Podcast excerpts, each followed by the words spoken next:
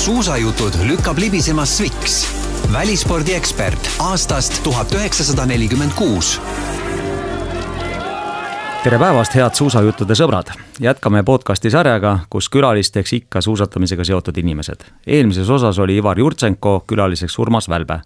aitäh neile suurepärase etteaste eest, kes pole kuulanud, soovitan kuulata. täna me jätkame samuti suusamehega, aga mitte ainult. tere tulemast, Peeter Kümmel! Tere, tere, head raadiokuulajad!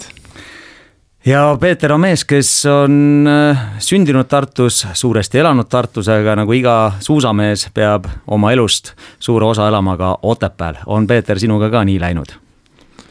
nii see täpselt läinud on ja nii uskumatu, kui see ka ei ole, täna on ehe näide, miks Otepääl on suusamehena parem elada. et kui meil on täna sihuke viis-kuus senti lund juurde sadanud ja kõik maa on valge ja tundub selline talvemeeleolu siis sõites Otepääle Tatraorgu on täiesti roheline maa ja kartulivõtt, et noh, ilm on nii kardinaalselt erinev, nelikümmend kilomeetrit ainult vahe, et äh, sellepärast Otepää on ka üks talispordi kants.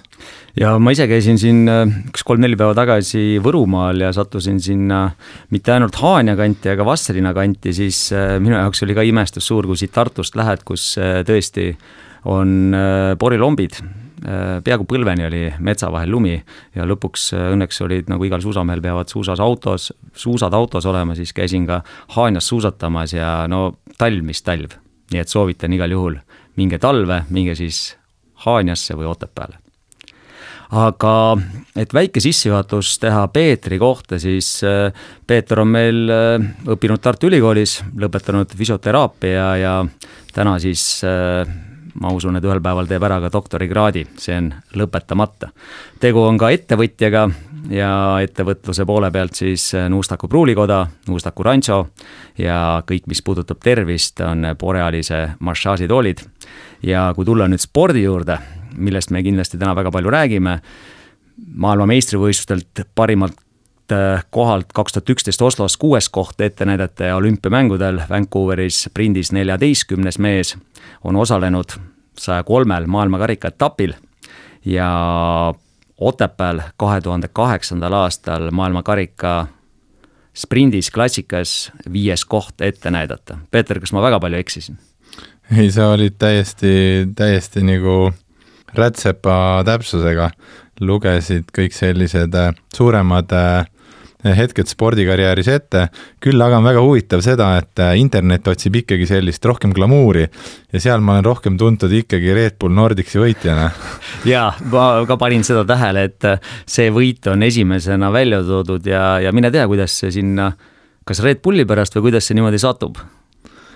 jah, seal võib mitu aspekti olla, äh, aga tõenäoliselt ikkagi see, see meediakajastus, ma usun, et on sellel äh, hästi-hästi laia niisuguse, ma ütleks, kandepinda, kandepinnapõhine, et seal ju on tegelikult stardis nii slalomiste, lumelaudureid, suusakrossi inimesi, nagu need alad, kes sinna iga aasta kogunevad, on nii laiad, sealt läheb see meediasse laiali, hästi suur ringkond jälgib ja lõpuks siis see Google, Google, tark Google saab aru nagu, mis on inimeste jaoks oluline. aga kas see kutse siis sinna Red Bulli sellisele kutsetega võistlusele tuligi tänu sellele, et edukas esinemine Oslo maailmameistrivõistlustel? tead, see võib niimoodi täitsa olla, küll aga aasta varem korraldas Eesti oma sellist äh, sõelvõistlust Väiksel Munamäel ja seal oligi välja hõigatud, et võitja saab auhinnaks sõidu siis rahvusvahelisele Red Bull Nordicule ja esimene aasta, ma olen kaks aastat käinud seal võistlemas, et esimene aasta mul õnnestus seal äkki kuskil olla seal kaheksas või seal kümne sees. ja siis äh, ma arvan, et see oli ka üks põhjus, miks kutsuti tagasi, sest äh, kõik need esiotsa sõitjad olid ka järgmine aasta seal olemas. ja jah, ja küll see kutse tuli ja ma võtsin selle meel, meeleldi kohe vastu ja ja see on küll võistlus, kus peab ütlema, et äh, õnn soosib. et ma võitsin tõenäoliselt põhjusel, et kokku oli vaja sõita sõel kolmekümne kuuest äh, siis kahe, kuus finaalsõitu ja eelsõit, ma olin ainuke, kes ei kukkunud ja see tagasi, stabiilsus tabas või tagas võidu. et äh, siinkohal me saamegi öelda, et, äh, et võita tuleb kõigepealt stardis olla muidugi, aga tuleb ka püsti jääda. jah, täpselt. aga Peeter, lähme sinna päris algusse tagasi ja oled sündinud Tartus üheteistkümnendal aprillil ja see tähendab seda, et tänasel päeval oled sa täpselt neljakümne aastane, nii et äh, juubel alles selja taga.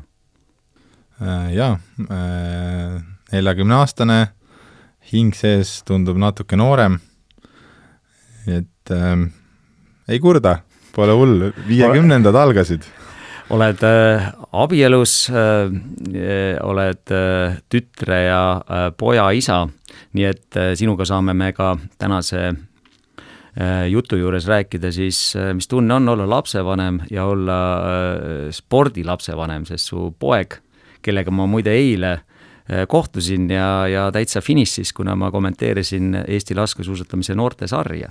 ja ta tuli finišisse ja kuna oli lihtsalt, lihtsalt äh, selline hetk, kus oli võimalus temaga rääkida, nii et äh, jättis väga sümpaatse mulje selles mõttes peab tunnistama ja, ja mis on ka selge, et mina oma saja seitsmekümne viie ja poole sentimeetriga pidin üles vaatama, pikk poiss. aga lähme siis sinna päris alguse juurde ja, ja Peeter, kuidas sa suusatamise juurde sattusid, kuidas olid need esimesed sammud, esimesed aastad? Äh, mm, väga lihtne, äh, et äh, olulised on, millest me täna siin saame pikemalt rääkida ka, on kindlasti vanemate või lapsevanemate roll ja keskkonna roll et need on kaks suuremat tegurit ja siis lõpuks see, ma ütleks, motivatsioon või tahe. et on olemas lapsed, kes on igal pool eesrinnas, organiseerijad, tahavad kaasa lüüa ja kui sellistele lastele veel siis looduse poolt on kaasa antud ka mingi füsioloogiline talent, et nad on kas kiired või, või siis vastupidavad, et siis see on ideaalne kombo. ja kui seal on toetavad lapsevanemad ja, ja ka teadlikud ja muidugi keskkond, et äh, siis see pakett kokku tuleb, et nii nagu minulgi, ma tegelikult kasvasin üles Tartus ja minu esimene spordiala oli peotants, loogiline. Tartus head tingimused, siinsamas ERR-i tänases lindistusstuudio majas, neljandal korrusel oli minu tantsusaal, äh, kolm korda nädalas, kolm tundi olid trennid ja vanust oli viis aastat kas äh, mõni tants on tänase päevani meeles või sa kuidagi ka tantsuga veel tegeled?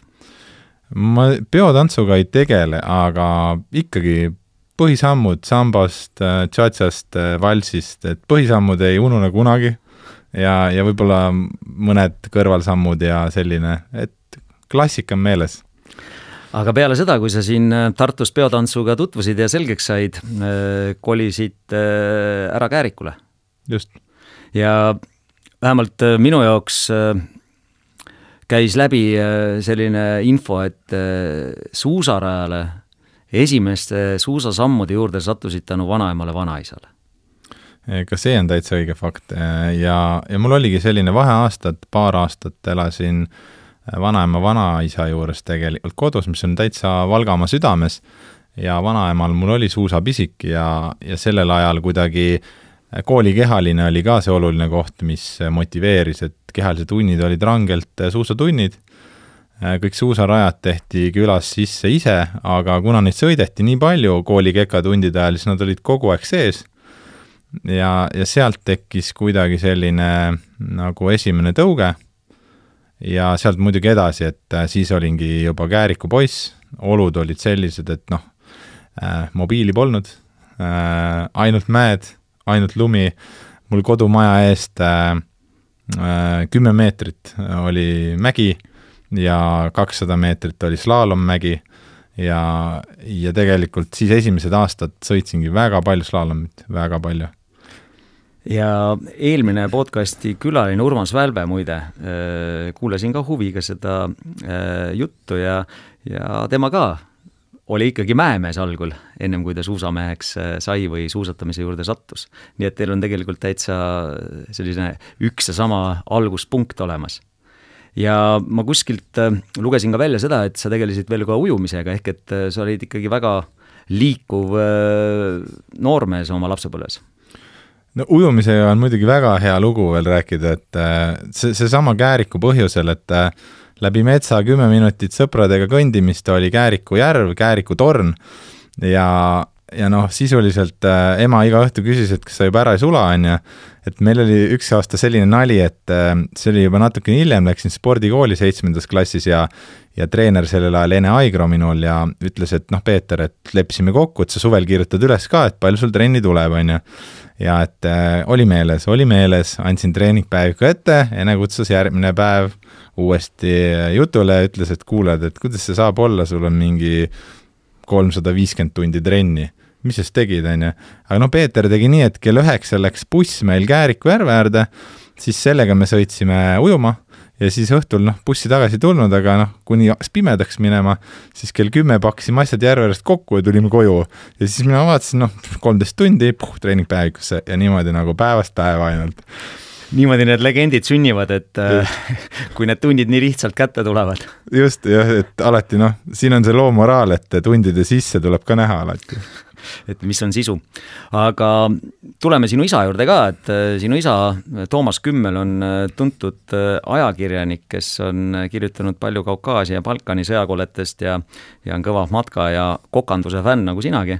aga Toomas pole kuidagi väga ju suusamees või, või spordimees ja kui ma lugesin ajakirjanduses nii-öelda teie omavahelist sellist juttu, siis äh, mul jäi tunne, et Toomas arenes ka nagu suusatamise mõttes koos sinuga päris palju, et äh, jälgis võistlusi ja, ja oli kaasas. ma arvan, et see oli nii jah, et minu isa sport, spordiga seotus on, äh, ta on Viljandi laps ja, ja lapsepõlves jalgpall. Viljandist oli see tema kirg ja siiamaani suur isale tervitused muidugi, Liverpooli hull fänn et kui Liverpool ei võida, siis, siis midagi muud äh, ei olegi elus olulist. aga see nali naljaks ja siis äh, jah, nagu sa ütlesid ka, et ta on geograafiks õppinud, matkafänn olnud ja läbi selle matka ma arvan, et ta on nagu sportimist alati armastanud, kuigi pole ise tippspordini jõudnud.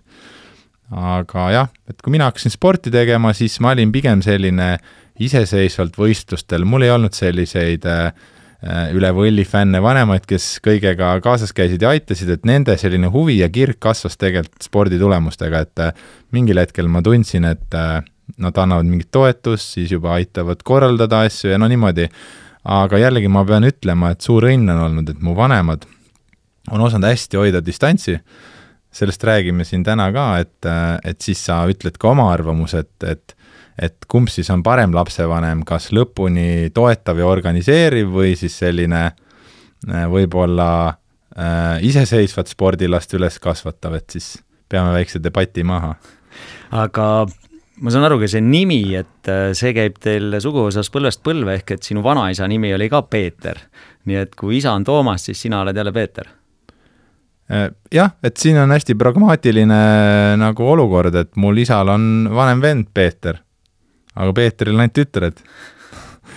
Nii et, et mul oli ka see õnn, et äh, minu poeg on Simeon, eks, aga mul kaks venda veel. nii et küll jõuavad Peetri panna ja ma täna rääkisin ühe sinu äh, sõbraga ka, kellega te olete koos sporti teinud ja ka äri ajanud, Priit Viksiga, siis küsisin lihtsalt Priidult, et äh, no Peeter hüüdnimena, et minu jaoks saab ainult Pets olla, on ju, et ma ei tea rohkem või, või kümnele järgi mõtlen, et äh, kümp, on ju. ja siis ega Priit ei osanud ka väga muud öelda, et nemad on ka ikkagi Pedjaks kutsunud. Nii et eks, eks jah, ma arvan, et on olnud nagu paljusid, mida ma ise ei mäletagi äh, igasuguseid äh, hüüdnimi meesteriku, on ju. ei ole mind nagu häirinud ükski hüüdnimi, nii et äh, pole probleemi olnud sellega alles ja isa meenutab sind lapsepõlvest äh, sellise rusikareegliga, et, äh, et äh, kui ei tea, tuleb küsida. ja isa peab seda väga oluliseks, ütleb, et, et kui laps tunneb huvi, siis on võimalik targaks saada. et kuidas sa ise oled läbi elu tänase päevani seda tundnud, et äh, kas sa oled küsinud, oled sa küsija tüüp, et kui saa asjadest aru, et leiad lahendid? oo jaa, ma olen küsija tüüp. ma arvan, et, äh, et, et see on üks väga hea äh, märk ka nagu spordilas-, lapsest või väga heast õppurist, et laps, kes küsib palju miks, miks, miks, on otsene põhjus, et ta tunneb huvi selle vastu. tal on vaja teada. et asjad, mis meid ei huvita, me, me ei küsi, miks ja nüüd, kui jõuame siis sinna suusatamise juurde ja sa korra rääkisid oma esimesest treenerist äh, Ene Aigrost. et Ene Aigro oli sinu jaoks siis esimene suusatreener? Ene Aigro oli see, kes tegelikult spordikoolis mind võttis vastu kui esimese sellise suusa, suusatreenerina, kes võib-olla hakkas regulaarselt mind treenima. et Aa, metsast okay. mind Kalmer Tramm tõi metsast, metsast sind välja just, et metsast välja tõi mind Kalmer Tramm, et äh, hea sõber äh, tänaseni. ja Kalmer, noh, kuna meil on selles mõttes äh, üks ühine joon, et äh, sina oled minust küll äh, viis aastat noorem, aga kui mina lõpetasin Otepää suusakooli, siis, siis sina põhimõtteliselt alustasid. Et äh, meil on viis aastat täpselt vahet, ehk siis ta kutsuti TSIK-i Otepää filiaaliks. Ja ja needsamad treenerite nimed käivad sealt SIK-ist ka läbi, aga Kalmer Tramm oli nii legendaarne spordimees juba siis, et, et ühel hetkel hakkas äh, spordiringkonnas ehk siis suusameestest läbi käima see mõte, et kui Kalmer Trammi käest nii-öelda suusarajal ära saad, sest Kalmer Tramm ühel hetkel hakkas ise ka ju harjutama. et kui sa trammi alla jääd, siis on viimane aeg suusad kotti panna ja sport lõpetada. ja Kalmer tõusis väga kiiresti täiesti arvestavat, arvestavaks suusameheks. et ma mäletan, et see oli ikka, ütleme, et seal juunioridel ja meestel, kes olid mitte päris esiotsa mehed, olid väga suur hirm. nii et Kalmer, no see oli pöörane harjutaja et mm. äh, treenerina kindlasti oli seal kõike muud, aga väga sümpaatne ja selline südamlik inimene. jaa äh,, Kalmerile siinkohal tervitused ja üks äh, väike väljavõte Kalmeri treeningkoolist, et äh, kui äh, mingi üheteist-kaheteistaastane spordilapsena olid kolm tundi metsas juba matkanud ja Kalmeril hakkas kell kukkuma, oli vaja midagi korraldada, siis Kalmer lihtsalt äh, selliselt sõbralikult näitas orientiiri kätte, ütles, kui nüüd siit tund aega edasi paned, oled kodus, et ma pean nüüd lippama aga kui tihti tuli siis seda tunnist sai kaks tundi, et kodu jõuda? noh, seda ikka tuli, seda ikka tuli, sellel ajal ma peaks ütlema, et et aastad olid siis üheksakümmend kaks, kolm ja kõik, mis oli värviline, tundus nii ihaldusväärne, et äh, Kalmer oskas hästi sellega mängida, et äh, koguda mingit värvilist valu, varustust ja siis lubada näiteks võistelda värviliste saabastega või asju, et see oli nagu, nagu jumalik, et midagi muud vaja ei olnudki, kui sai midagi värvilist selga-jalga ja, ja Kalmer oskas seda väga hästi korraldada, nii et üldiselt äh, lapsed olid noh, käisid hea meelega trennis ja mis veel enam, et enamus lapsed käisid nelja-viie kilomeetri kauguselt jalatrenni ja ja äh, täpselt äh, sama siin, et äh, kui bussiga pidi sõitma mingisuguse kümme kilomeetrit, ennem sa pidid tulema maalt bussijaama. Jala loomulikult hommikul umbes pool seitse, seitse, siis sa jõudsid kooli, siis oli üks tund aega tundideni, sest bussid ei käinud kunagi ju täpselt, et, et umbes, et ennem täpselt nii, nagu täna linnas on, et sa jõuad vahetult ennem kooli ja lähed kohe kooli, vaid sinna jäi alati selline tunnine vahe. mida siis tehti? kuskilt leiti ikkagi mingi pall ei olnud vahet, kas ta oli korvpall, jalgpall või võrkpall, aga igal juhul mängiti palli ennem tunde, kui sa hommikul jõudsid kooli, maalapsed kõik mängisid palli ennem seda, kui sa tundidega üldse alustasid. ehk eh, mida ma silmas pean, on see, et, et väiksest peale aega tagasi tekkis ikkagi seda auku, kus sul aja täiteks oli vaja nii-öelda siis hoovisporti teha.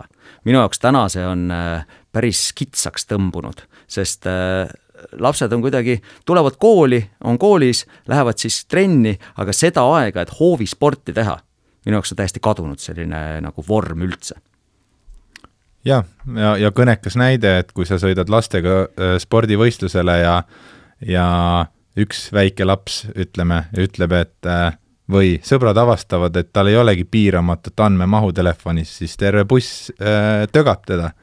et, et see ongi see äh, hetk, kus, millest nagu võiks järeldada, et äh, äkki me ise täiskasvanutena selle karuteene teeme, miks seda hoovisporti pole ja nõus ja, ja kui me nüüd jõuame siit tõesti või mõtleme edasi sinna, et äh, miks on need tulemused või miks see liikumine on äh, natuke vähene ja järjest väheneb, siis äh, see osa, see nii-öelda hoovisport on täiesti puudu. ja okei okay,, äh, jätame selle hommiku välja, aga jõuame siis õhtutesse lapsed tahtsid välja tulla või ise tahtsin välja minna sellepärast, eks saa, et saaks teiste lastega mängida. ja kuna mina olin külapoiss, ikkagi külas olid ka talud, kus olid lapsed, siis välja me läksime ikkagi sellepärast, et saaks kokku ja saaks midagi teha.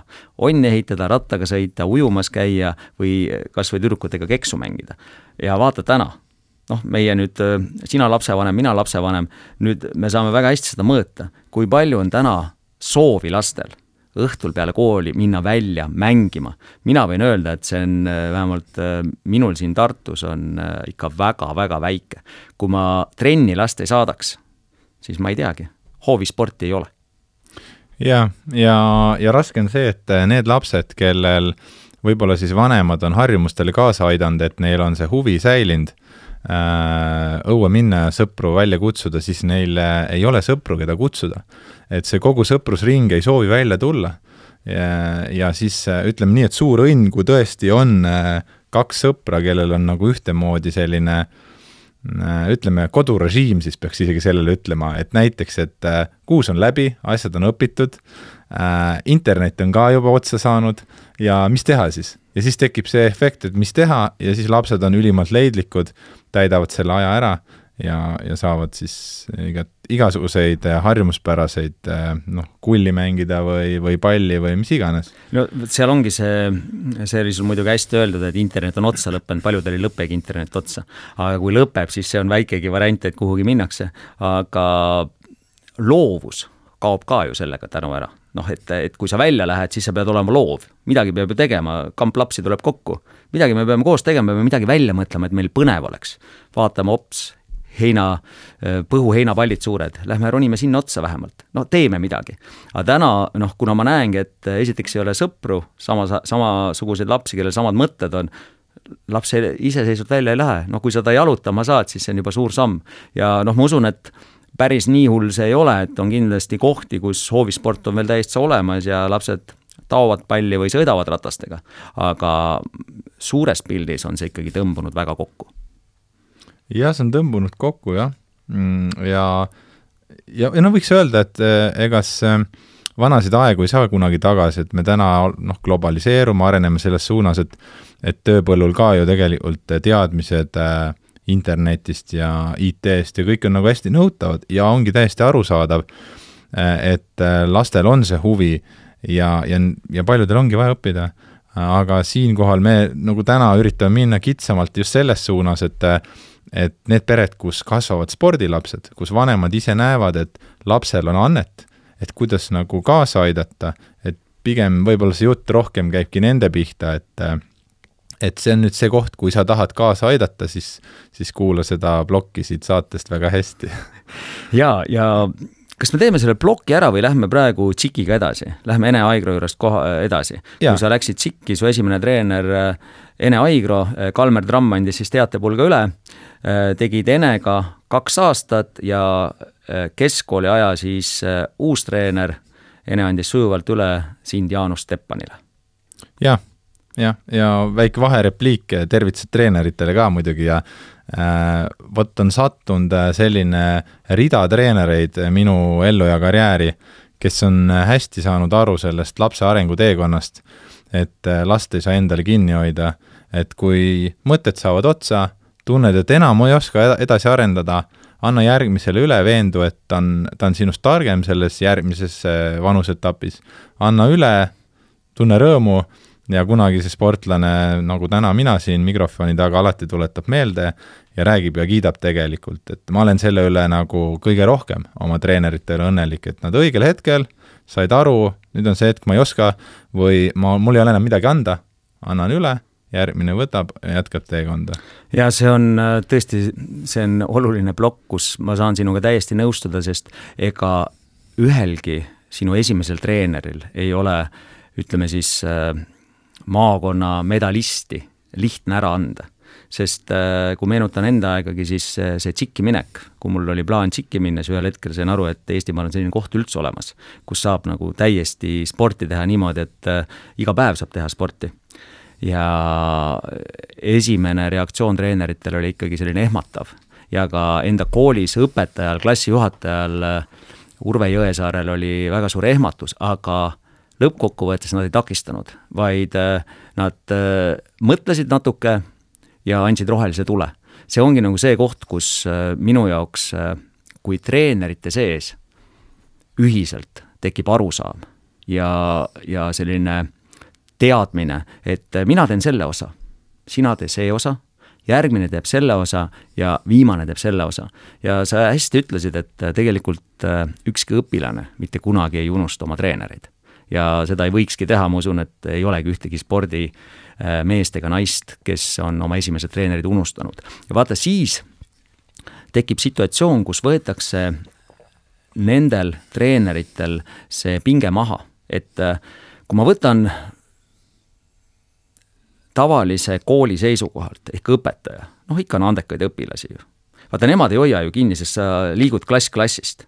tegelikult spordis peaks täpselt samamoodi käima, aga spordis see päris üks-ühele nii ei käi. tihtipeale äh, väga paljud isiklikud treenerid hoiavad oma sportlasest kinni, mitte nagu üldse nagu negatiivses võtmes, aga tegelikult on see aeg nüüd vaja edasi minna. teatevahetus on vaja anda, et see peaks olema sujuv ja siin, siin peakski olema selline, igal juhul ei tohiks olla sellist kartuse hetke et ma ikkagi hoian seda sportlast enda juures, vaid äh, anda nagu arenguks ja arenemiseks võimalus.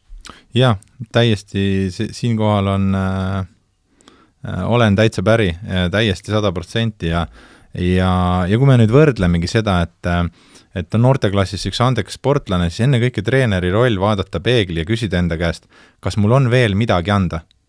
ja kui sealt tuleb vastus, et äh, enam tundub, et ei oska midagi juurde panna, siis on see hetk, et kas äh, tehagi treenerina see panus, et leida järgmine etapi treener ja aidata sportlasel sujuvalt üle minna, või näiteks, kui sportlane on ise leidnud, et siis leppida sellega, sest lõppkokkuvõttes äh, kas meil on äh, Eesti tasemel sportlane, keda sa lahti ei lasknud, või olümpiasportlane, kes ütleb, et sa oled mu esimene treener, on ju, me saame aru, et lõpuks teekonna lõpp, kui on edukas, siis igal juhul sa teed õige otsuse, et et äh, ja see ongi raske, ma saan inimlikult aru, et noh, kes mina olen, et rääkida, et, et ma olen nagu väga vähe kogenud treener, võiks öelda, on ju, ja, ja ma näen kõrvalt, et see tõenäoliselt on, ongi väga raske. aga ma usun, et äh, see hiljem tuleb tagasi ja väga, väga, väga kogenud ja head treenerid saavad aru, et äh, õigel hetkel üleandmised tegelikult sinu kui treeneri äh, mainet, kompetentsi, austust sinu vastu järjest kasvatavad. ja, ja kui treenerite puhul ka jätkub selline koostöö, et, et treenerid ka suhtlevad ülevalt alla ja alt üles, küsivad, kuidas tal läheb ja ülevalt poolt tuleb, et küsib nõu näiteks, et noh, isikupärasuse kohta või, või et kuidas see arenguetapp on, et lõpuks me jõuame ju ka täna sellesse maailma, mida me nimetame siis selliseks, selliseks teadlikuks ja, ja teadusega kooskõlaks, kooskõlas olevaks spordiks, et, et sportlane treenib, tal on maht, tal on kilometraaž, tal on võistlused, et ammutada siis treener treenerilt sellist sisulist infot. et ka see koostöö võiks olla kindlasti selline noh, ütleme, et julgem ja, ja aktiivsem Äh, jaa, ja selgelt see ülemise või ütleme, et järgmise etapp, etapi treeneri roll on äh, seda usaldust äh, nii-öelda äh, nagu tõestada. ehk et tema roll on see usaldus võita, ehk et sellele nii-öelda ülestoovale treenerile seda väljendada, et see ülestoo-, to-, toov treener samamoodi on tunnustatud ühtepidi ja, ja tõenäoliselt ka tagasisidestatud väga hästi, mis sportlasega hakkab edasi juhtuma, sest arusaadavalt, kui ma viin õpilase edasi, mul on ikka huvi teada, kuidas ta edeneb, kuidas tal läheb, kas need arengueesmärgid, mis on seatud, kas need on täide läinud, kuigi ma ise enam treeningprotsessi ei juhi ja ei sega sinna, siis ma ikkagi soovin olla selles infoväljas, sest noh, ma ju jälgin teda. ja kui see teekond läheb edukalt edasi, siis ma ju ülestoojana tean, et see mudel, millega ma üles toon, see on õige mudel. et mulle tundubki, et äh, treenerid jaotuvad, on väga head treenerid, kes toovad üles, kes naudivad hästi palju seda äh, laste esimest abc-d, et kuidas võimalikult kiiresti koordinatsioon anda, niisugust emalikku, isalikku suhtlust. ja siis on järgmine etapp need, kes tegelikult tunnevad, et neid tõukab tagant tulemus. ehk see, kes võib-olla kuusteist, seitseteist hakkab võtma sportlasi üle ja see koostöö peaks väga hea olema. jaa, see täpselt peab väga hea olema, sest äh, muidu hakkab rääkima selline noh, spordis muidugi väga suur osa, et sa üldse kuhugi jõuaks, on ikkagi sellisel äh, minal või egoismil, noh et muidu sa lihtsalt ei löö tippspordis läbi. aga, aga treenerite puhul ei võiks seda nii palju olla, ehk et, et ma takistan sportlasel nüüd järgmist etappi. vaid vastupidi, on see, et üks asi on tark takistamine, et ta ei ole veel valmis, et, et ma ei soovita tal veel minna, et mul on talle veel midagi anda ja tal on võib-olla parem koht siin, et ära veel mine, et või ära hakka treenima veel nii tugevasti või nii intensiivselt, see on minu jaoks nagu tark koht, see on nagu selline ütleme, kompromissi või dialoogi koht. aga kui lihtsalt selline ütleme, et isikupärasus või egoism hoiab sportlast kinni noh, ütleme, et mina kui treener minu juures ja ma, ma takistan tema nagu karjääri, siis seda võiks vähem olla. aga selle juures peaks olema siis see, et seesama suhtlus omavahel, et mõlemad treenerid või järgmised etapid tunnustavad ka üksteist ja hoiavad ka omavahel kontakti. et minu arust on see nagu ja see annab, kui järgmine õpilane, siis mõtle, kui lihtne on sul järgmist õpilast ka edasi anda, kuna sa tunnetad seda, et tegelikult sinu tööd väärtustatakse jaa, ja selline vahenüanss, et äh, hea treeneri veel tunneb selle järgi ära, et äh, ta on õpetanud võib-olla sportlase juba selleks üleminekuetapiks äh, selliselt ennast, oma keha ja treeninguid tunnetama, et ta on juba tegelikult nagu noor treener, et ta teeb samal ajal treeneriga selle otsuse, et ta saab aru, et nüüd on vaja minna, nüüd on muutust vaja. ja see on nagu treeneriga diskussioon, et teeme selle ära. et treener ka üksinda ei saa enam sellises eas sportlasele õpetama, et nüüd sa pead minema tegema. et siis on ta jällegi jätnud selle töö tegemata, et sportlane ise ei tunneta, et õige aeg on edasi liikuda sest kui sa selle sportlase üle annad ja, ja ütleme, et see sportlane täiskasvanu heas juba jahib kõige kõrgemaid tulemusi, siis seal ta jääb üksi ju, seal need otsused on vaja ise ära teha, kuna liikuda, kuna kannatada ja samal, samat, samat asja edasi teha järjepidevalt, et see oli väga, selles mõttes see treenerite polk, äh, plokk, mida me siin välja hõikasime, et see noorte treenerite plokk sai meil päris hästi tehtud, et äh, kokkuvõtvalt äh, tõesti, treenerid, noor, või tähendab siis kasvatajatreener, järgmine etapp treener võiks omavahel rohkem suhelda ja samal ajal kõik treenerid peavad iseendale siis nagu tunnistama, äh, kus kohas on see etapp, kus sportlane peabki nüüd edasi liikuma, ehk et võib-olla isegi treener peab ta lükkama edasi, et see, see, mida tema juba on teinud, et see kuhugi ei kaoks. Jaa, mul kõrvaltvaatajana on üks e, selline tähelepanek veel kasvataja treenerile, et, et mulle tundub ju väga head kasvatajat treenerit iseloomustab see, et äh, kui palju õpilasi sa annad edukalt üle ja kes on hiljem edukad. et tulemused õpetamisfaasis on nagu vähetähtsamad. et mida ma tahan öelda, et äh, meil on äh, ju, me teame kõik, et lastel on murdeiga. ja enne murdeiga äh, me ei näe keegi tulevikku kas sellest mehest tuleb korvpallur või jõutõstja, et seal on teatud äh, füsioloogilised omadused, mis lihtsalt enne murdeiga välja ei arene. ja kui me kasvatajana mõtleme, et äh, sellest tuleb klassikas sprinter, nii kitsalt suu-, murdmaasuusatamise kontekstis, siis võib juhtuda, et me õpetame talle väga kitsaid oskusi ja kui tuleb murdeiga, tuleb hoopis välja, et temast tuleb viiekümne kuue kilone kergkaalane mees, kes võib-olla on uisus nagu ronib nagu murdu igalt poolt mäest üles, on hoopis distantsisõitja või üldse ta läheb näiteks jalgpalli või ta läheb ujujaks või see, see kuni murdeeani kasvataja treener, vot seal on see, et kui sa arendad super mitmekülgselt selle noore ülesse, siis võib juhtuda, et sa, ütleme, et oled laskesuusataja, kasvataja treener, aga lõpuks sulle ütleb ujumis Eesti koondise treener aitäh viie aasta pärast. et vot see on ka hästi oluline, et ärme oleme kinni ainult oma erialas sellest lapsest võib pärast murdeiga tulla tegelikult talent hoopis teises spordialas. ja kui me jätame ta väiksena hästi forsseerimata ja treenime hästi mitmekülgselt, siis me jätame selle võimaluste akna lahti.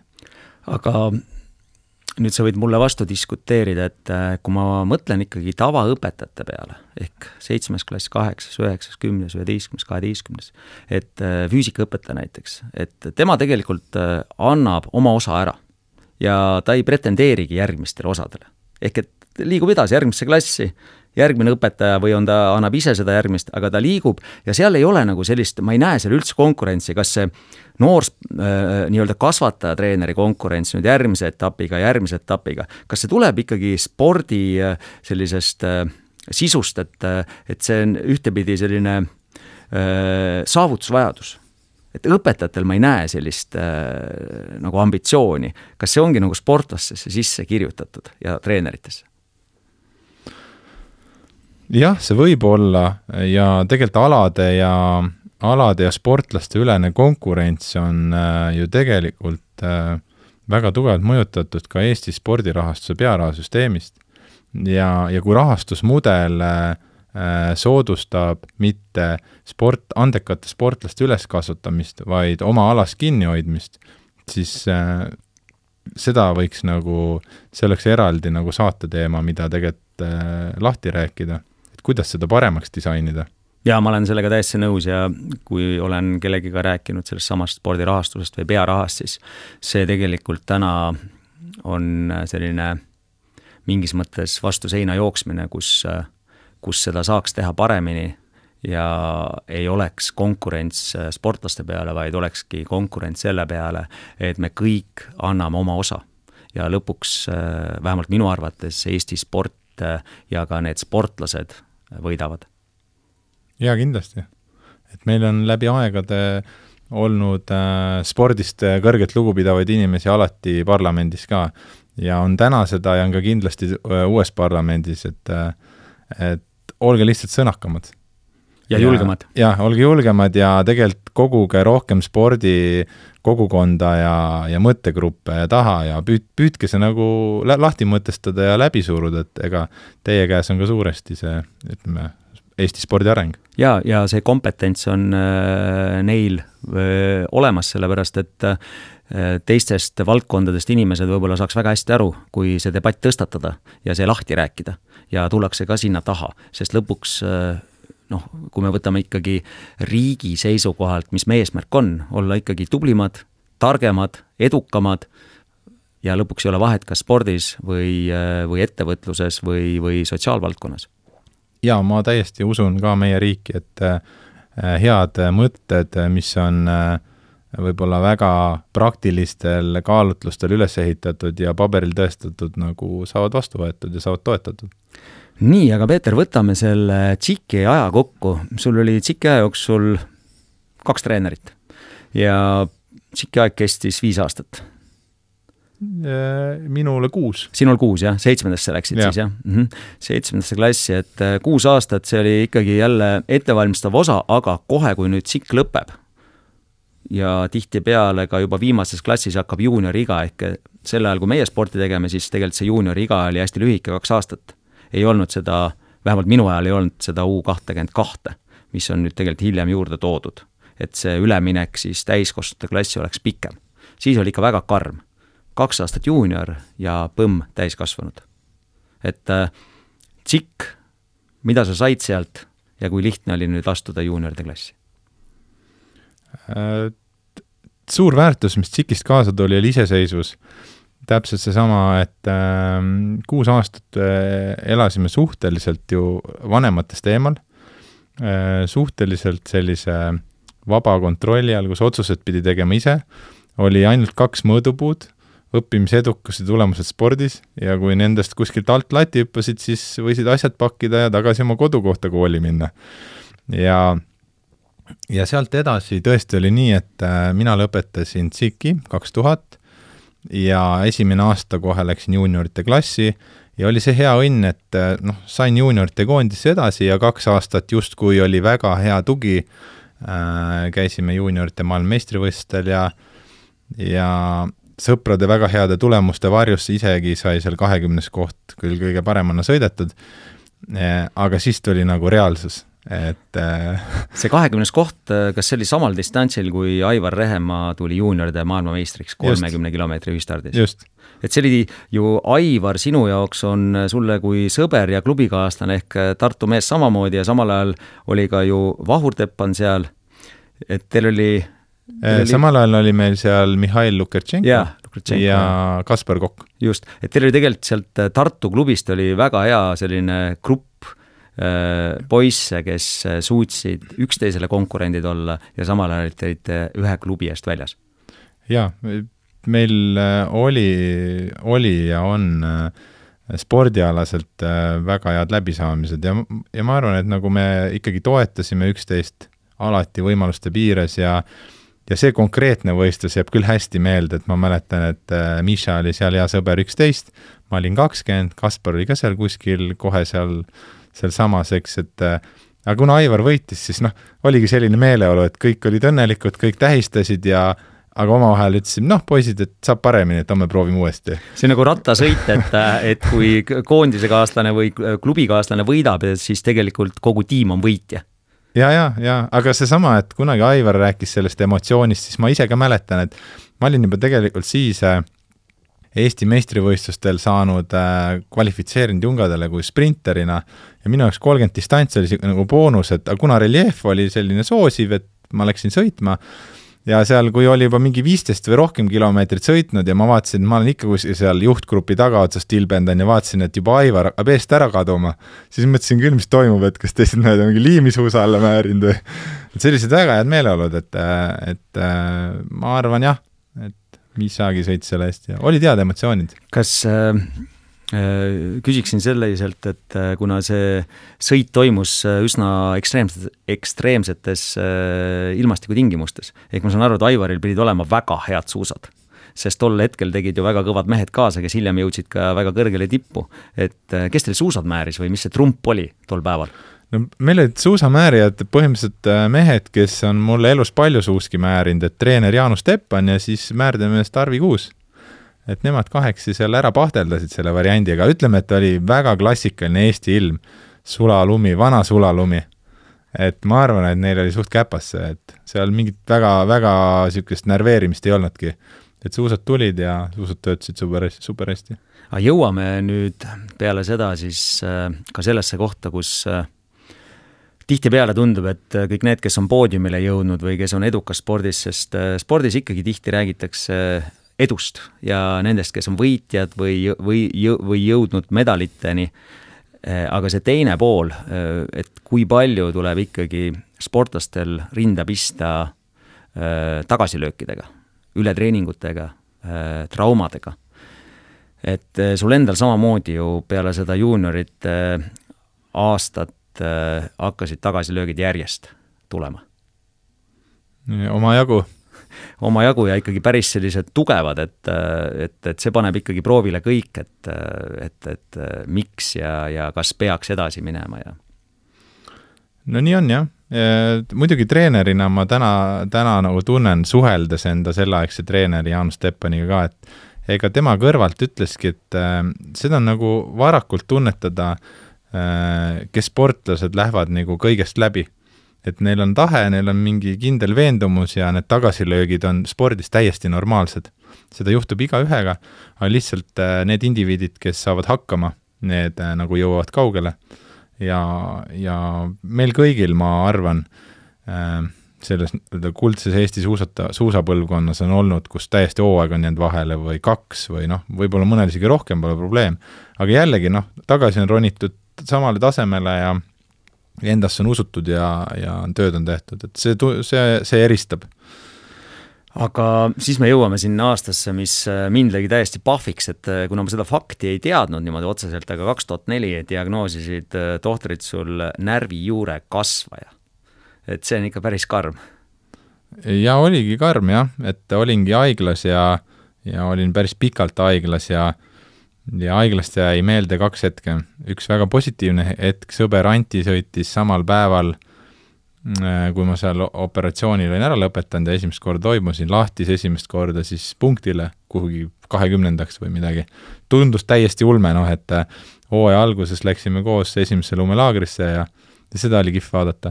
ja teine fakt oli see, et seal oli üks väga asjalik füsioterapeut, ütles, et kulla mees, et sina oled edasi nagu kepikõnnimees, noh, tippspordiga pead hüvasti jätma. et äh, sellised, sellised emotsioonid sellest hooajast.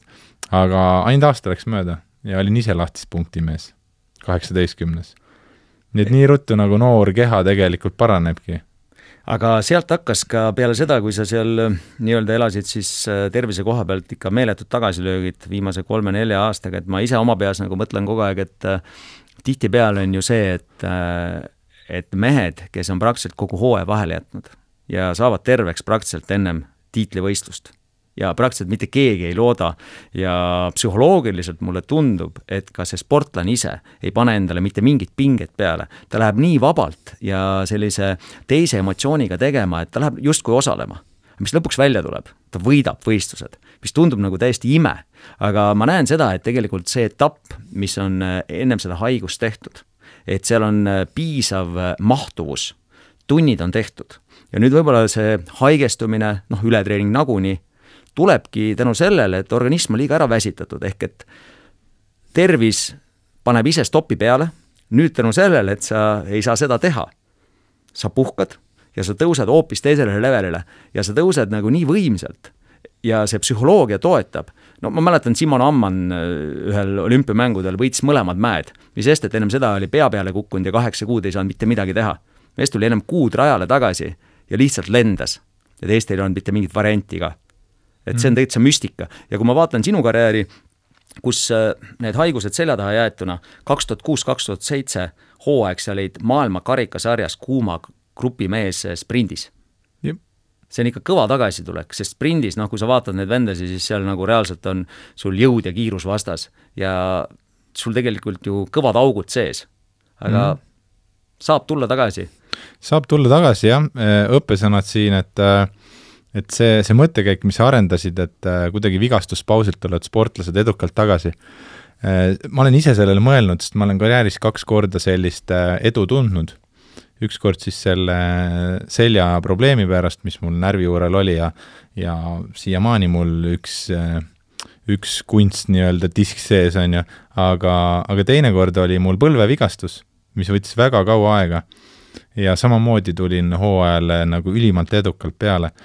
et äh, ma tahan seda öelda, et vot sportlane ei jää magama, isegi kui ta on vigastatud, ta leiab need alternatiivid, millega oma keha treenida ja tundub nii, et, et mingil tasemele treenituna äh, ei ole enam nii oluline see, et, et sul see erialane töö on nagu nii a priori, vaid tähtis on see, et sa nagu saad harmooniliselt keha edasi arendada, isegi mahud on väiksemad, on vaja seda üldkoormust, jah.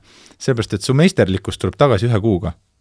ja kui sa saad seda nagu üldkoormust hoida, siis mingit pidi mulle tundub, et keha areneb nagu üleüldiselt aga maandatud on risk, et kuskilt tekib vigastus juurde või kuskil lihased saavad liiga palju koormust ja, ja kogu tulemus on parem.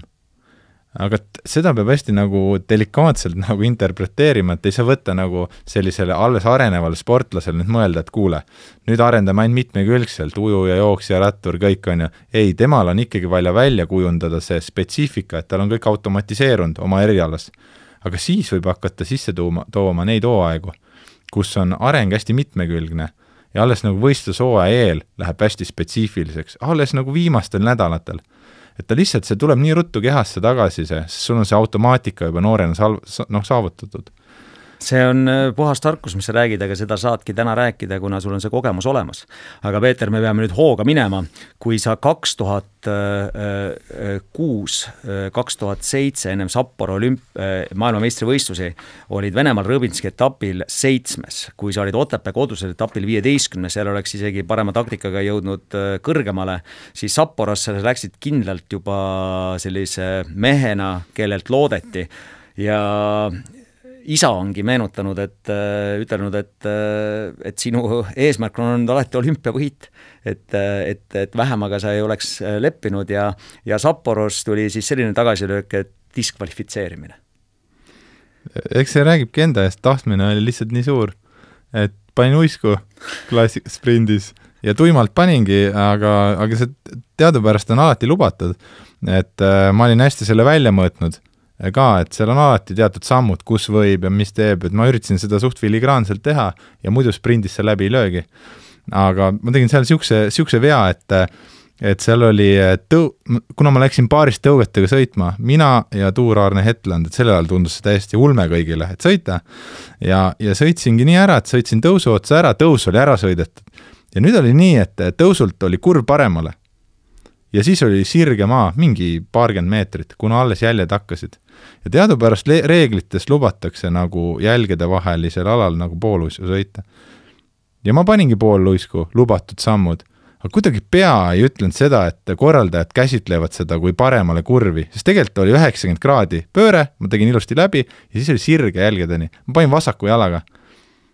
Ei, parema jalaga. Ja nemad nagu tõlgendasid seda, et sisejalaga nagu sõitsin, et see ei ole nagu suuna muutmine protesti ikka andsid sisse? no jah, küll ikka anti protest ka, aga ei õnnestunud, et ei õnnestunud, aga sealt edasi, kaks tuhat seitse siis ebaõnnestus, siis tundus, et sul tuligi koos sellega selline tagasilöök, kus kahe tuhande kaheksandal aastal koos suusataja Timo Simonlatser ja füsioterapeut Lauri Rannamaaga tegite oma esimese osaühingu, siit me jõuame sinu ärimaailma, ehk et hakkasite siis toimetama natuke ka äripoole pealt, et ma lihtsalt tahan küsida seda, et kas see võis olla see hetk, kus sa tundsid, et, et sport ei ole kogu elu?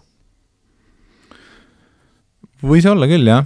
et aga jah, et see võis olla üks punkt, seal oli palju kokkusattumusi, et Sapporo mm mängis selle osa, kus me neid tooteid nägime ja ja kindlasti minu enda persoon ja Timo persoon, meil oli kõigil niisugune äh, paras hulk äh, monkey businessi äri juba nagu kogemust olemas, et kuidas natuke taskuraha tekitada ja äri ajada, ja siis tekkis mõte, et, et püüaks midagi sellist suuremat teha, äh, mis nagu spordilt kontrolli ära ei võta, on ju, aga et hakkab õpetama, et kuidas päris äri käib.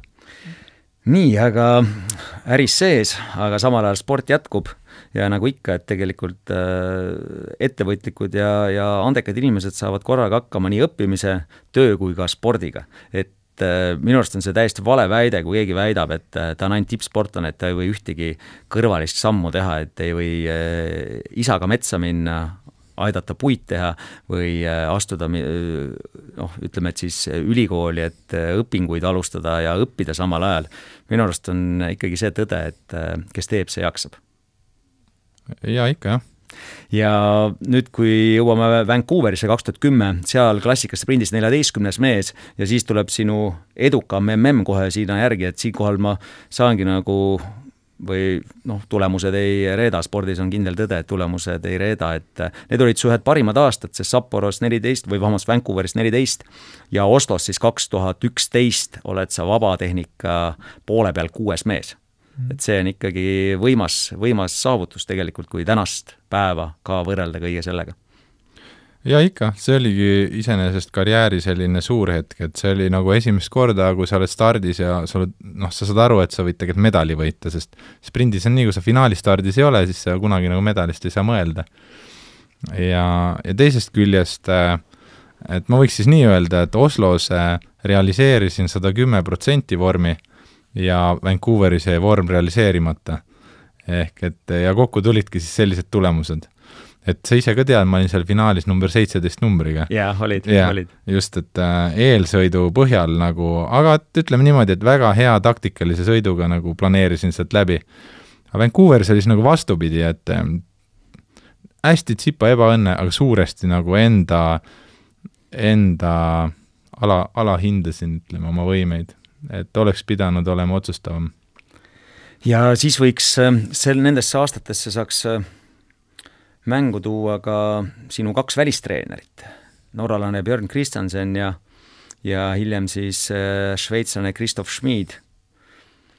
kuidas sa neid hindad või mida sa neilt õppisid ja, ja sina oled nagu hea selline multitalent, kelle peal neid asju mõõta, et Kalmer Tramm alustab, Ene Aigro Äh, Jaanus Teppan ja siis sa jõuad äh, selliste meesteni välja, et äh, mis on erinevused, et nii-öelda siis A-koondise treener või treener, kes tuleb juba, räägib sulle mingist noh, norralane treener, see tähendab juba ju, et kõrgemale ei saa ju minna treeneri valikul.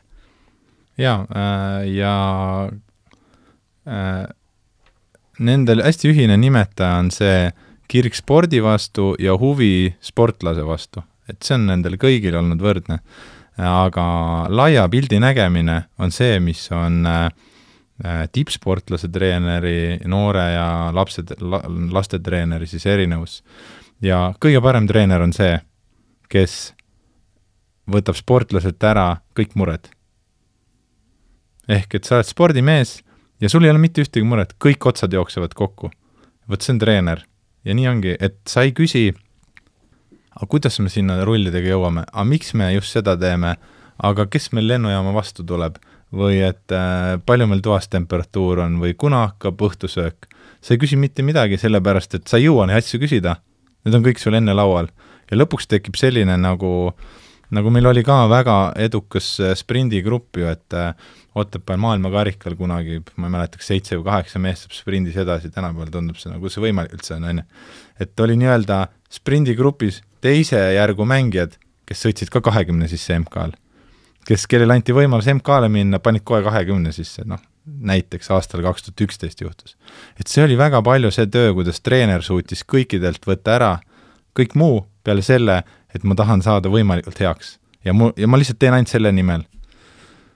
kui palju sellist äh, spordimehelikku õhinat tekitas see, kui uus treener tuleb, sest kuna mul on ka olnud äh, uusi treenereid ja olnud võimalus teha ka siis välistreeneriga koostööd, siis see õhin ja see motivatsioon, mis tekib uue treeneriga, see on juba omaette selline peatükk äh, spordimehe elus, kus sa, sa esiteks sa usud, sa teed rohkem, sa suudad ennast sisemiselt motiveerida hoopis teisel tasandil. et see annab nagu summeeritud edasimineku minu jaoks või minule vähemalt andis ja ja okei okay,, seal võib ka tagasilööke tulla, kus sa tunnedki, et oota, et ma ei saanudki nüüd medalit või. et, et, et see usk ei saa olla ka nüüd nagu põhjendamatu. aga see kuidagi tekib uue inimese sissetulekuga, sest äh, sellel tasandil üldiselt treenerid on juba professionaalid ja nad teavad, mida on sportlasele vaja anda. et see ei ole enam see nii-öelda lapsepõlve spordi tegemine või isegi spordikooli äh, spordi tegemine, vaid see ongi see, et tegelikult treener tuleb realiseerima seda, mida on eelmised treenerid teinud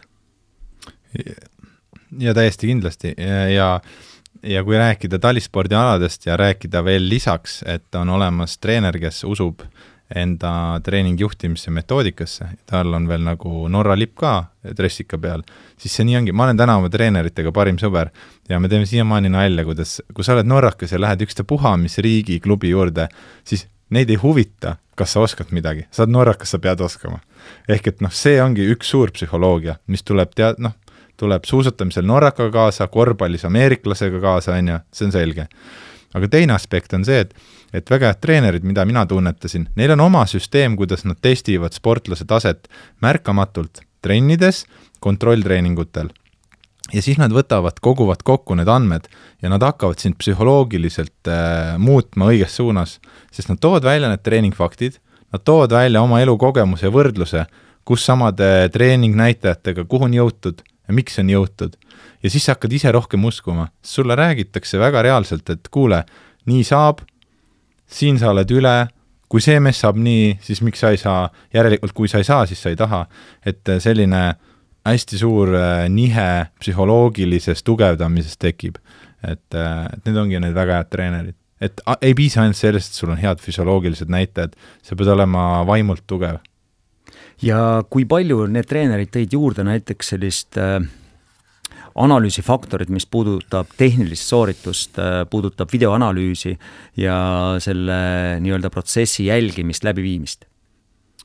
Äh, tead, tõid juurde äh, hästi kaht, kahte moodi, siis ma räägin, et kiiresti Norra treener tõi juurde. Selle, et ta oli enda tunnetus, ta on ise Norra meistrivõistlustelt saanud medali. Äh, ja tal oli selline tunnetus, et äh, ta rääkis kogu aeg, miks on vaja tehnilist muuta, ta rääkis selle tagamaa ka ära, et kui sa tehniliselt seda muudad, see füsioloogiliselt, miks sul tuleb jõudu juurde, et sa ei saa tugevamaks ise, sa kasutad rohkem oma reserve just sellise tehnikaga. ja kiiresti mõned videovõtted, aga midagi sellist äh, pikka videoanalüüsi ei olnud, et ta pidevalt üritas ikkagi selgitada, miks sa pead muutma aga teise treeneri puhul, kes tegelikult tuleb ju äh, keskmaa jooksu tippmaailmast, äh, tema lihtsalt oskas kaasata, ta oskas kaasata õigetel hetkedel natuke abitreenereid, kes olid äh, tehnikaga kursis, nemad tulid appi, rääkisid tehnika poolt ja tema muretses funktsiooni poolest. et tema oli jälle hästi hea, ta teadis, kuidas delegeerida ära oskusi, mida tal endal ei ole, aga mida on hädavajast, hädavajalikult vaja. ja suhtlete siiamaani? jah, väga head sõbrad oleme aga jõuame siis sinu nii-öelda tippspordikarjääri lõpuaastateni, kui Oslos oli kuues äh, koht, siis Val di Femmes klassikasprindis kolmekümne kolmas, see tähendab seda, et sa edasi eelsõidust ei saanud ja Sotšis viiekümne teine koht vabatehnikasprindis, et see tähendab ka seda, et kolmekümne parima hulka sa ei saanud. Et äh, vahepeal oli siis muidugi Eesti spordis või Eesti suusatamises siis tohutu tagasilöök et äh, ma kujutan ette, et kui keeruline ja raske aeg oli ka sinul äh, selle kõige juures siis edasi sporti teha, aga sinu enda karjäär ka siis ikkagi nii-öelda ei läinud enam äh, nii hästi edasi kui kaks tuhat kümme, üksteist. jaa, et nii ta tõesti oli, et mõned seal sellised veel sähvatused ja ja siis Falun ja Memmiga ma tundsin, et et ma sõitsin väga head sõidud, taktikaliselt hästi, enesetunne oli parim, aga tasuks oli vist ainult kahekümnes koht või kaheksateistkümnes koht, siis ma sain aru, et see tegelikult, see on õige hetk. vanus ütleb, tee, lepi endaga, on ju, ole rahul, mis sa oled saavutanud ja ja aitab, et see nii oligi, jah. Ja tuleme nüüd nende debattideni siis tagasi, mida me siin algul ka juba kergelt alustasime, et spordis vaimne seisund, vaimne tugevus, teadlik treenimine. et äh, kui sa ise vaatad oma karjäärist tagasi ja sul on tegelikult väga hästi läinud veel, sul on ikka läinud väga hästi, ma arvan, väga paljudel sportlastel ei ole nii hästi läinud, et nad on saanud nagu eh, edasi liikuda, järgmine treener, järgmine etapp, järgmine treener, järgmine etapp ja samal ajal sa omandasid ka eh, kõrghariduse, ehk et sa hakkasid juba ise varakult kaasa mõtlema et eh, mis millekski hea on või mis millekski ei sobi. et väga paljud ikkagi nii ei käitu ja, ja minnakse edasi täpselt nii, nagu äh, nii palju, kui torust tuleb, aga ühel hetkel enam torust ei tule. et äh, sinu seisukoht, mis puudutab täna sellist äh, tarka sporti? seisukoht on selline, et äh, mul hea sõber on mitmel korral ikka minu kohta ütlenud repliigi Priit Viksis, et et noh, et, et kuidas tema iseloomustaks, et mis minu talent oli, on ju, siis Priit ütleb, et vist ainult töökus. ehk et siis ma tahangi öelda, kui töökusega jõuab nii kaugele, siis tegelikult see annab nii palju, nagu mõelge, andekad poisid ja tüdrukud, et see annab nii palju, olge töökad, kui teil juba on anne, noh, siis te, te kaugelt lihtsalt äh, teete paremini kui mina. et see näitabki, et, äh, et noh, töökus on ka anne, on ju. et äh, ja töökus on see, et kui sa lähed õppima, sa spordis äh, õpid oma keha selgeks äh,, mis mõju, mis mõjurid sinu keha kõige paremini edasi viivad, et, et see on äh,, see on hästi oluline kui sellega sportlane ei tule treenerile kaasa, siis ei ole vahet, kas seal äh, roolis on norrakas, rootslane või superhea Eesti treener, tulemust ei saa tulla. et ennekõike on see sportlase motivatsioon ja huvi oma materjalist võtta maksimum välja. Ja see, mis tuleb, seda me ei saa ette ennustada, see ongi boonus, et kas sellest tuleb äh, MM-i kuues koht, kuldmedal või kahekümnes koht aga kui sul on see tunne, et ma andsin välja selle, rohkem ei osanud, siis sellega peaks rahul olema spordis. kuidas sa seda näed, et noh, kui me siin äh, Norra oleme eeskujuks toonud ja norralaste fenomen minu jaoks ei ole mitte üldse see, et nad on kõvad suusatajad või tänasel päeval kõik suusaalad, mida nad äh, läbi aja on teinud, teevad väga hästi, vaid äh, Norra spordifenomen on minu jaoks see, et neil on väga paljudel erinevatel spordialadel tipud täna. ja, ja nad jagavad seda edukust.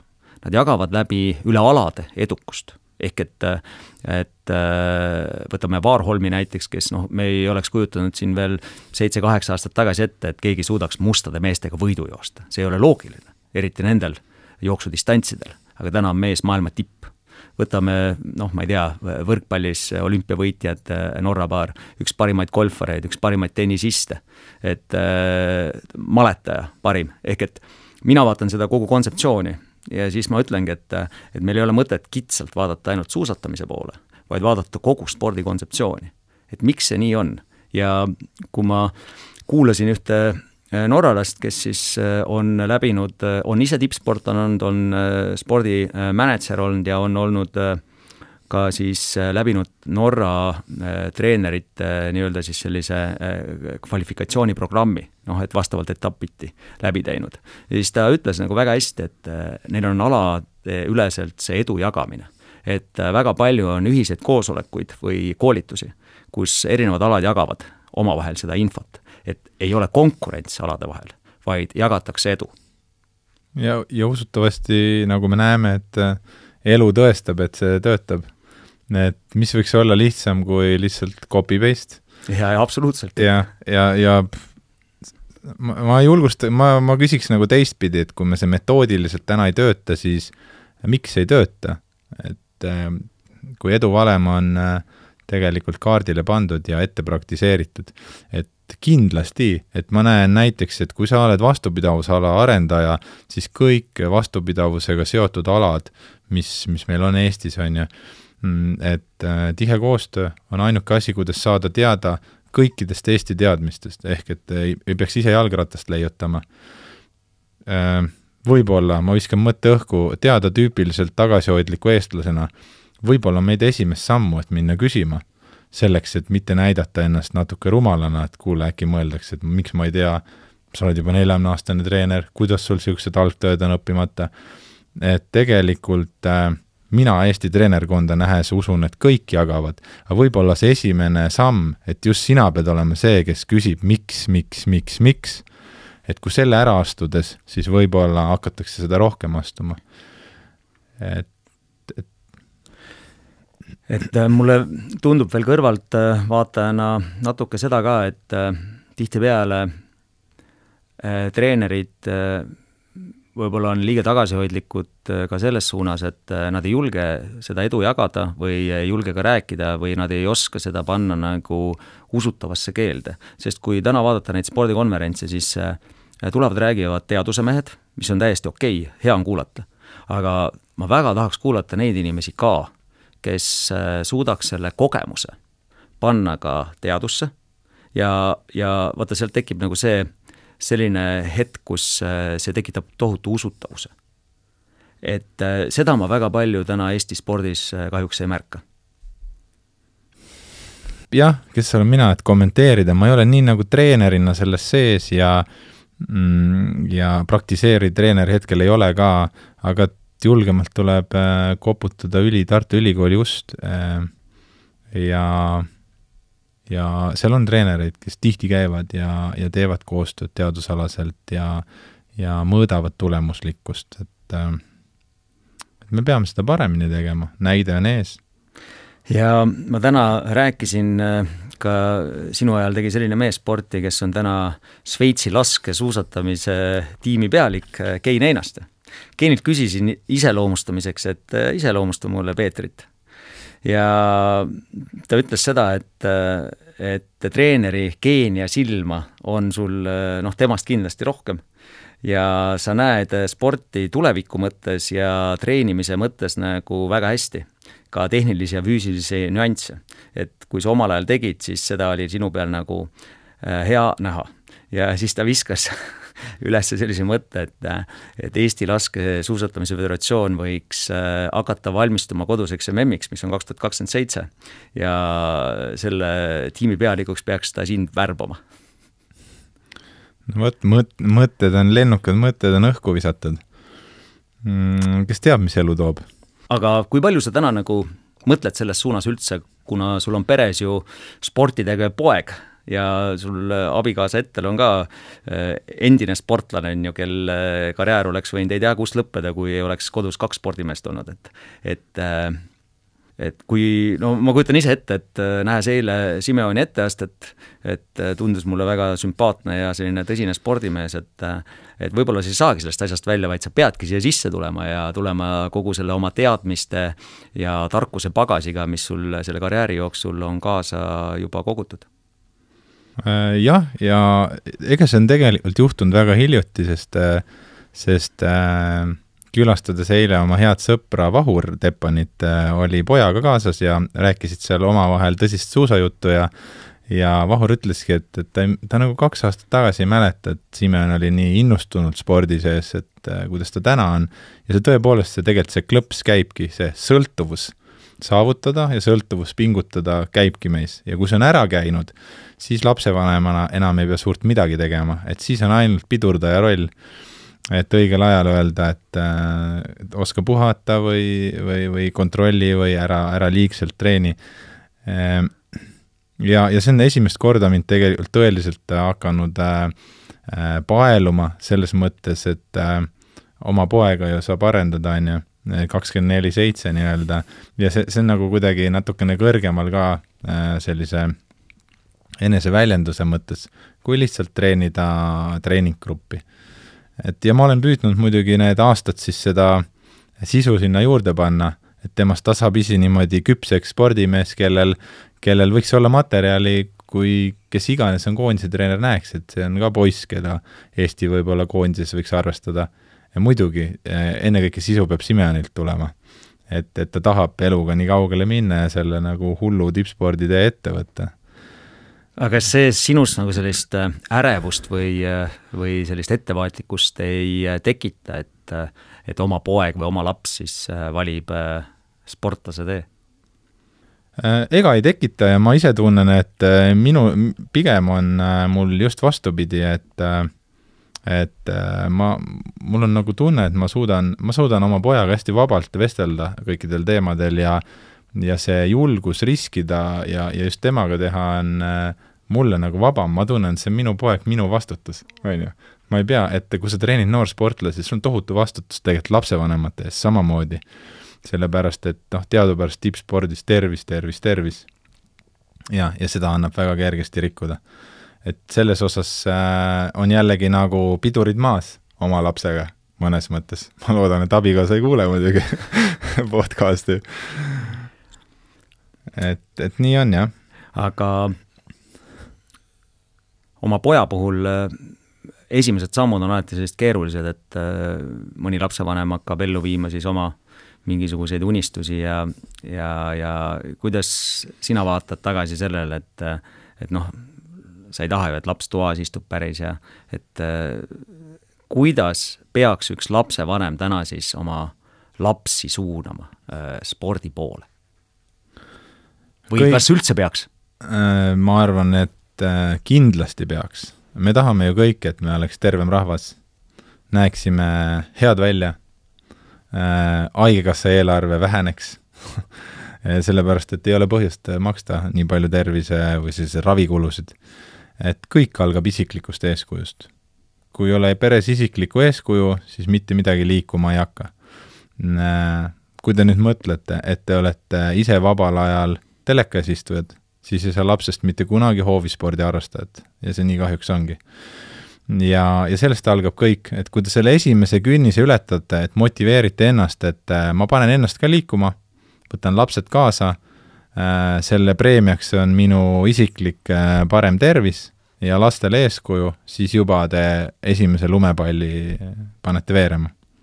et ei midagi uut, kui lugeda vendade väeraamatut, kus vennad Pööt siis räägivad oma lapsepõlvest ja, ja nende kasvamisest siis sportlasteks, siis seal me kohtame ikka ka legendaarseid lugusid, kus siis vanemad lihtsalt autoga ei viinud neid mitte kuhugi. Nad said minna kooli kas jala või rattaga ja ainult äh, äärmuslikudel juhtudel mindi autodega e, või autoga. ja, ja see kahjuks äh, käib kuidagi üks-ühele niimoodi kaasas, et äh, vastupidav spordiala sportlased on, ma, ma ei hakka kõigist rääkima, sest kindlasti on siin erinevaid võimalusi, aga suuresti see on ikkagi nii, et seesama hoovisport ja see kogutud akumuleeritud treeningmaht on äh, väga oluline lapsepõlves ja eriti, mis tuleb koos mänguga. mitte see, et ma lähen nüüd trenni, treener ütleb, et täna on meil tund aega pallimängu või tund aega jooksu, vaid et äh, mida ma veel ennem teen ja mida ma pärast teen ja see kõik tuleb läbi mängu jaa, on küll, et ma sulle panen siia laua peale kohe ühe niisuguse ilusa numbri, kuus tuhat viissada on siia kirjutatud ja küsin sellise viktoriini küsimuse, et mis sa arvad, mida see number sümboliseerib? sinu kuupalka. kui see oleks vaid nii aga nali naljaks, et äh, tõsiselt see number sümboliseerib kilomeetreid, mille mina läbisin põhikooli lõpuks kooli kõndimisega. Äh, ja see on kuus tuhat viissada kilomeetrit. kuidas sa seda tead, sest siis ei olnud ju selliseid nutikaid lahendusi, mis oleks need salvestanud? no ma lihtsalt elasin keskeltläbi kahe kilomeetri kaugusel koolist ja, ja ma panin selle sisuliselt linnulennult, korrutasin need üheksa aastat läbi, et palju ma võisin koolis käia, ja siia on lisamata kõik need vahelpõiked igale poole, sõprade poole ja kuhu iganes. ja mis ma tahan öelda, et selle lapsevanema äh, me, me tulime siia sujuvalt sisse, siia lapsevanema rolli nagu spordilapse kasvatamisel, et äh, mm, eeskujuks olemisele järgneb siis järgmised äh, olulised asjad, mida jälgida. üks on see, et oleks liikuvus ja, ja ja leida kõik kohad, kus laps saab liikuda, kooli minek, paratamatu. Treeningule saatmine, kui vähegi on võimalus, sõitke läbi, leidke need rattateed ja saatke ta alati kodus sinna või saatke koolist. turvalisuse huvides lihtsalt sõitke need trassid enne läbi, et lapsel on need kõik peas, kus on valgusfoorid, on ju, teede ületamised, erinevad kohad. aga et ta hakkaks sellega varakult harjuma, sellepärast et äh, üks tund treeningut aga kui sealsamas on peaaegu tund aega sinna sõitu, siis sealt hakkab tulema see maht, mis annab aluse, et sellest lapsest nagu võiks hakata saama sport, spordilaps. Äh, need on nagu ühed alustalad ja siis kindlasti on need alustalad, et äh, kuidas teie lapsed toituvad, on üks alustala jälle rangelt eeskuju. et kui, äh, kui sa ise ei ole eeskuju, siis lapsed ei hakka kuidagi teistmoodi toitu tarbima. Äh, kindlasti lapse motiveerimine ülioluline. Äh, et vaatame korraks peale, mis varustusega lapsed sõidavad. et ja mõtleme natuke järele, et see varustusega motiveerimine mingite treeningutega või premeerimine, see peab käima ikkagi käsikäes, laps peab tunnetama, et ma olen ära teeninud selle. Ehk et äh, noh, täiesti tavaline on see, et kui sa panedki sõltuma, et kas ta ületab mingit oma rekordi või käib treeningus kuu jooksul nii palju kordi, et, et ta saab aru, et aa, ma sain millegi, aga miks ma selle sain, huvitav? Hmm,, vist sellepärast, et ma nii tubli olin, on ju. et lapsel tekiks see seos, mitte ei tekiks seos, et äh, mul on kõik asjad nagunii olemas, aga mis ma, mis ma tegema, ei trenni ma teen sellepärast, seal peab käima. et need on nagu nii olulised asjad äh,, mille vastu lapsevanemad eksivad. kuidas sa arvad, Margus? ei, ma arvan ikkagi, ütleme, et siin vanemad peavad olema väga targalt äh, noh, strateegiliselt äh, mõtlema ja genereerima ja kui su enda sees seda ei ole, noh, seda soovi üldse või seda eeskuju siis ongi see küsimus nüüd, kas sa siis selle saavutad ja mis on see motivatsioon lapsevanemal, et see saavutada, sest väga paljud lapsevanemad ju ei ole võib-olla noh, nii palju kui mina ja sina oleme sporti teinud. ja paljud lapsevanemad ei ole ka maal kasvanud, ma käisin siin paar aastat tagasi Antsla koolis, Antsla noh, väike linnakene, alevik, noh linn tegelikult, aga no ikka väike koht. ja lastega lihtsalt rääkisime ja palusin siis käed tõsta, kes elavad maal, linna, alevist väljas ja käsi oli seitsekümmend viis protsenti.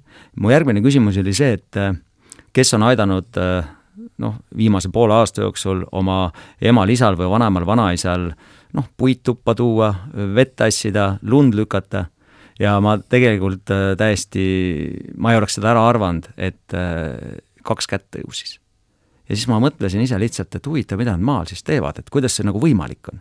et äh, ise ma mäletan ainult, et isegi ei olnud seda käsumeetodit, et, et ma pean, aga ma nägin, et ema tassib, isa tassib ja noh, isa oli ka tegelikult loomult äh, linnamees, noh et tema tahtis ikka laulmas käia ja nii, aga noh, sattusime maale elama.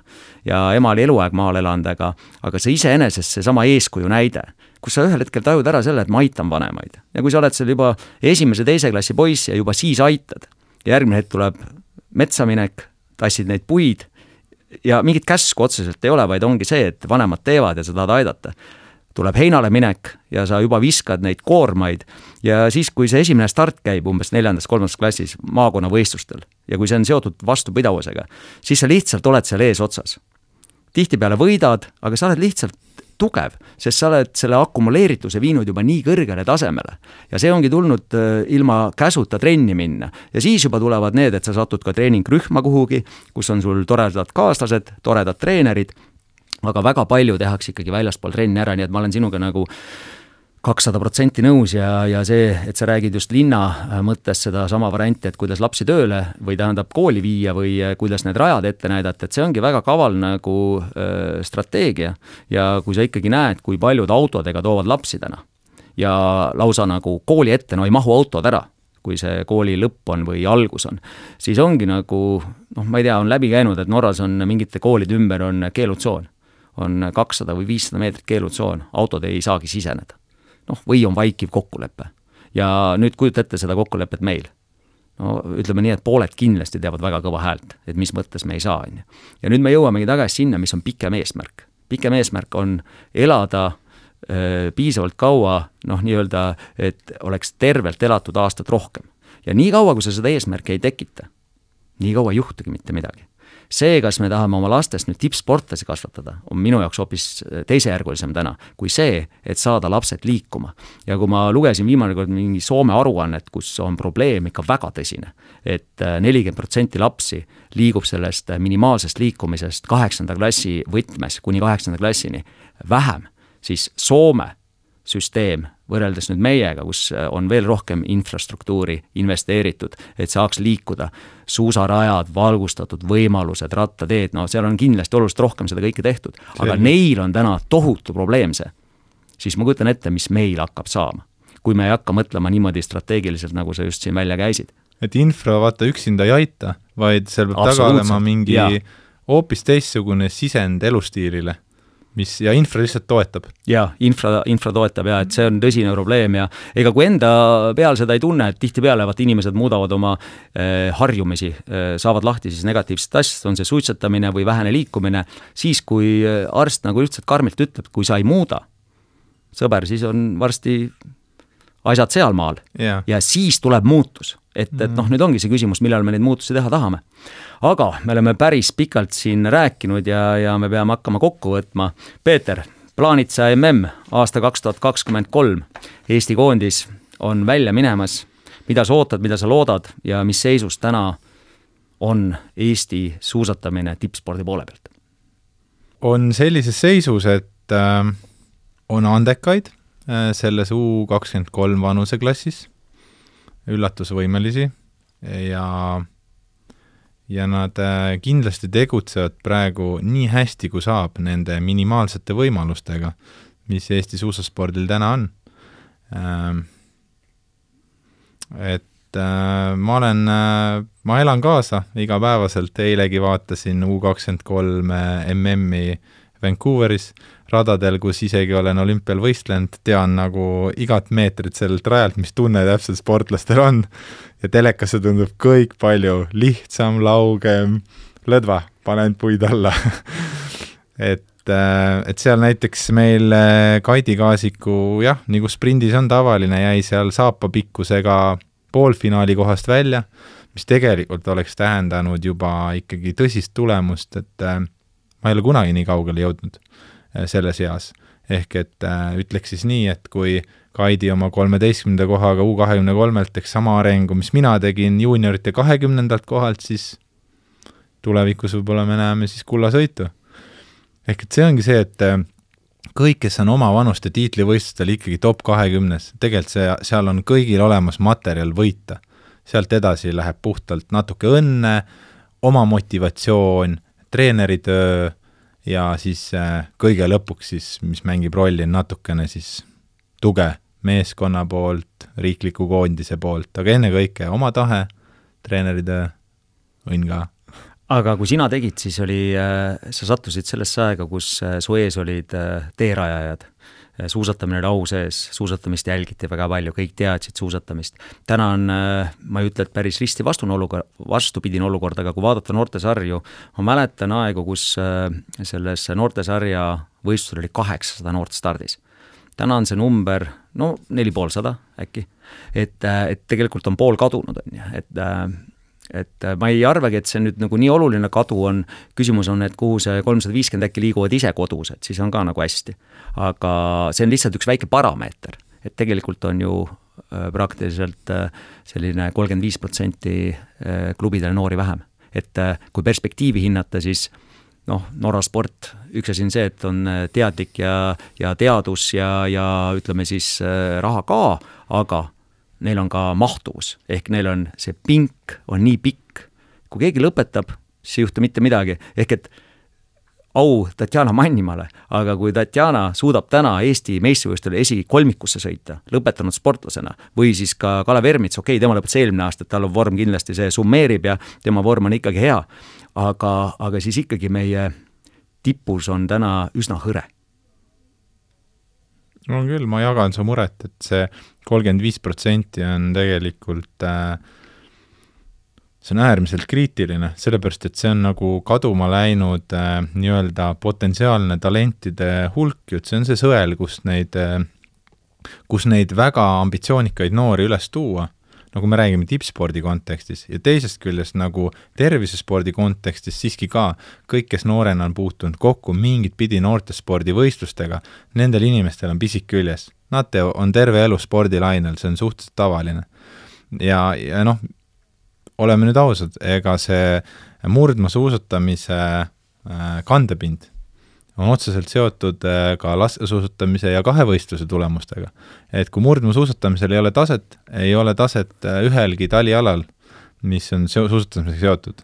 ehk et siinkohal on seesama, tuleme tänase podcasti algusesse, et treenerite ülene koostöö, et äh, kui murdmaatreener ei tea kõike seda, mida peatloni või vastupidi sisuliselt, siis me tegelikult kaotame et me, me peaksime neid miks'e omavahel rohkem küsima ja omavahel püüdma leida äh, kust nagu rohkem, kust saada paremat teadmist, et lapsi arendada ja, ja kuidas neid paremini motiveerida ja ja ma näen täna nooremalt põlvkonnalt muidugi, mis minu eas oli tavaline, et kahe võistle- või laskesuusatajad käisid kogu aeg murdmaad kollitamas. et ma näen täna tegelikult seda positiivset tendentsi, et noored nagu julgelt käivad, isegi kui on vähe klassikat sõitnud, ikka tulevad sõitma.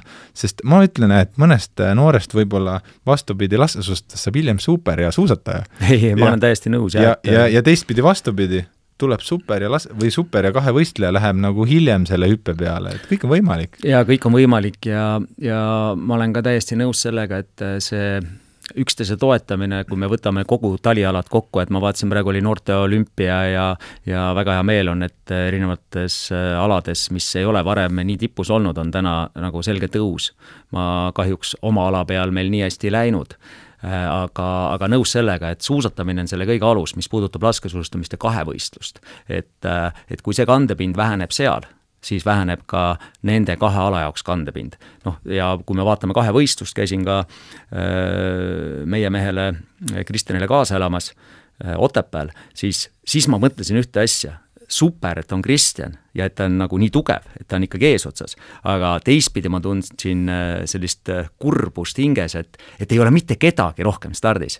et äh, laskesuusatamises meil küll pole sellise tasemega sportlast täna, aga meil on vähemalt noh, oma on seal, et kui ma olen raja ääres näiteks lapsega kaasa elamas, lipp käes, no siis on mul kellelegi kaasa elada ja sealt tekib ka väike pisik, aga kui nüüd ei ole omasid siis sõbrad, noh, me ei saagi enam varsti võõrustada neid äh, võistlusi, sest ei ole ju kellelegi kaasa elada. see on tõsi, et see on, see on tõesti nii, jah. aga Peeter, viimane küsimus, äh, mida sina omalt poolt saad teha, et, äh, et laste liikumine noorte spordineidude ja noormeeste liikumine ja tippspordi liikumine ja tulemuslikku, tulemuslikkus tõuseks või kui palju sa oled valmis panustama järgmistel aastatel äh,? see kindlasti, mida ma teha saan, on, ma olen küllaltki avatud, et, äh, et igal võimalusel kas siis äh, klubitreeneritega murdmaaklubi tasandil või siis laskesuusaklubi tasandil Otepääl, et äh, ma olen alati diskussioonis, et kui inimesed küsivad midagi, et nõusta mind sellega või kuidas sina oma kogemuse põhjal arvad, et meil üldiselt on küllaltki huvitavad vestlused ja ma, ma lihtsalt ei lobise ja ma üritan selle vestlusega siis nagu äh, anda tagasi see, mis on tegelikult minusse tulnud kogemuste ja tegelikult nende treenerite teadmiste näol. et ma püüan alati seda anda äh,, mitte peale suruda, et ma lihtsalt räägin, et see on nii töötanud, mina näen seda niipidi äh,, et see võiks äkki treeningprotsessi aidata. ja siis lasen tegelikult treeneritel ise teha selle otsuse, et kui palju nemad hindavad, et oleks õige võtta äh,, et, et noh, see on see valdkond, kus võiks ju nagu rohkem anda, äh, aga tuleb endale ka aru anda, et äh, et siis seda tuleb ka nagu tööd või professionaalsust võtta, sest kuskilt inimene, noh, meil on teatud piiratud aeg, on ju, kus, kus me saame oma aega investeerida ja, ja minul täna paraku on töö, mis tegeleb tervishoiu valdkonnaga, olen seal äh, hästi hõivatud ja püüan siis oma poja kõrvalt, ütleme niimoodi, võistlustel näen ju treenereid, paljud ju meie põlvkonna inimesed on ju täna aktiivsed klubijuhid ja treenerid ja sellistel debattidel üritan, üritan seda edasi anda. ja muidugi, kui kutsutakse kuhugi seminarile, et ma ikka iga aasta olen võtnud eesmärgiks, et nagu ühe ettekande teen, alati kui kutsutakse, et püüan siis jagada, et, et kuhu ma satun. no nii, head suusasõbrad, Peeter on avatud ja kui kellelgi on tahtmist, siis Peeter on diskussioonideks äh, valmis. aga aitäh, Peeter, aitäh, head äh, suusajuttude kuulajad, äh, kohtumisteni juba järgmistel kordadel ja liikuge, hoidke tervist ja kohtumisteni! kohtumisteni! suusajutud lükkab libisema Sviks, välispordiekspert aastast tuhat üheksasada nelikümmend kuus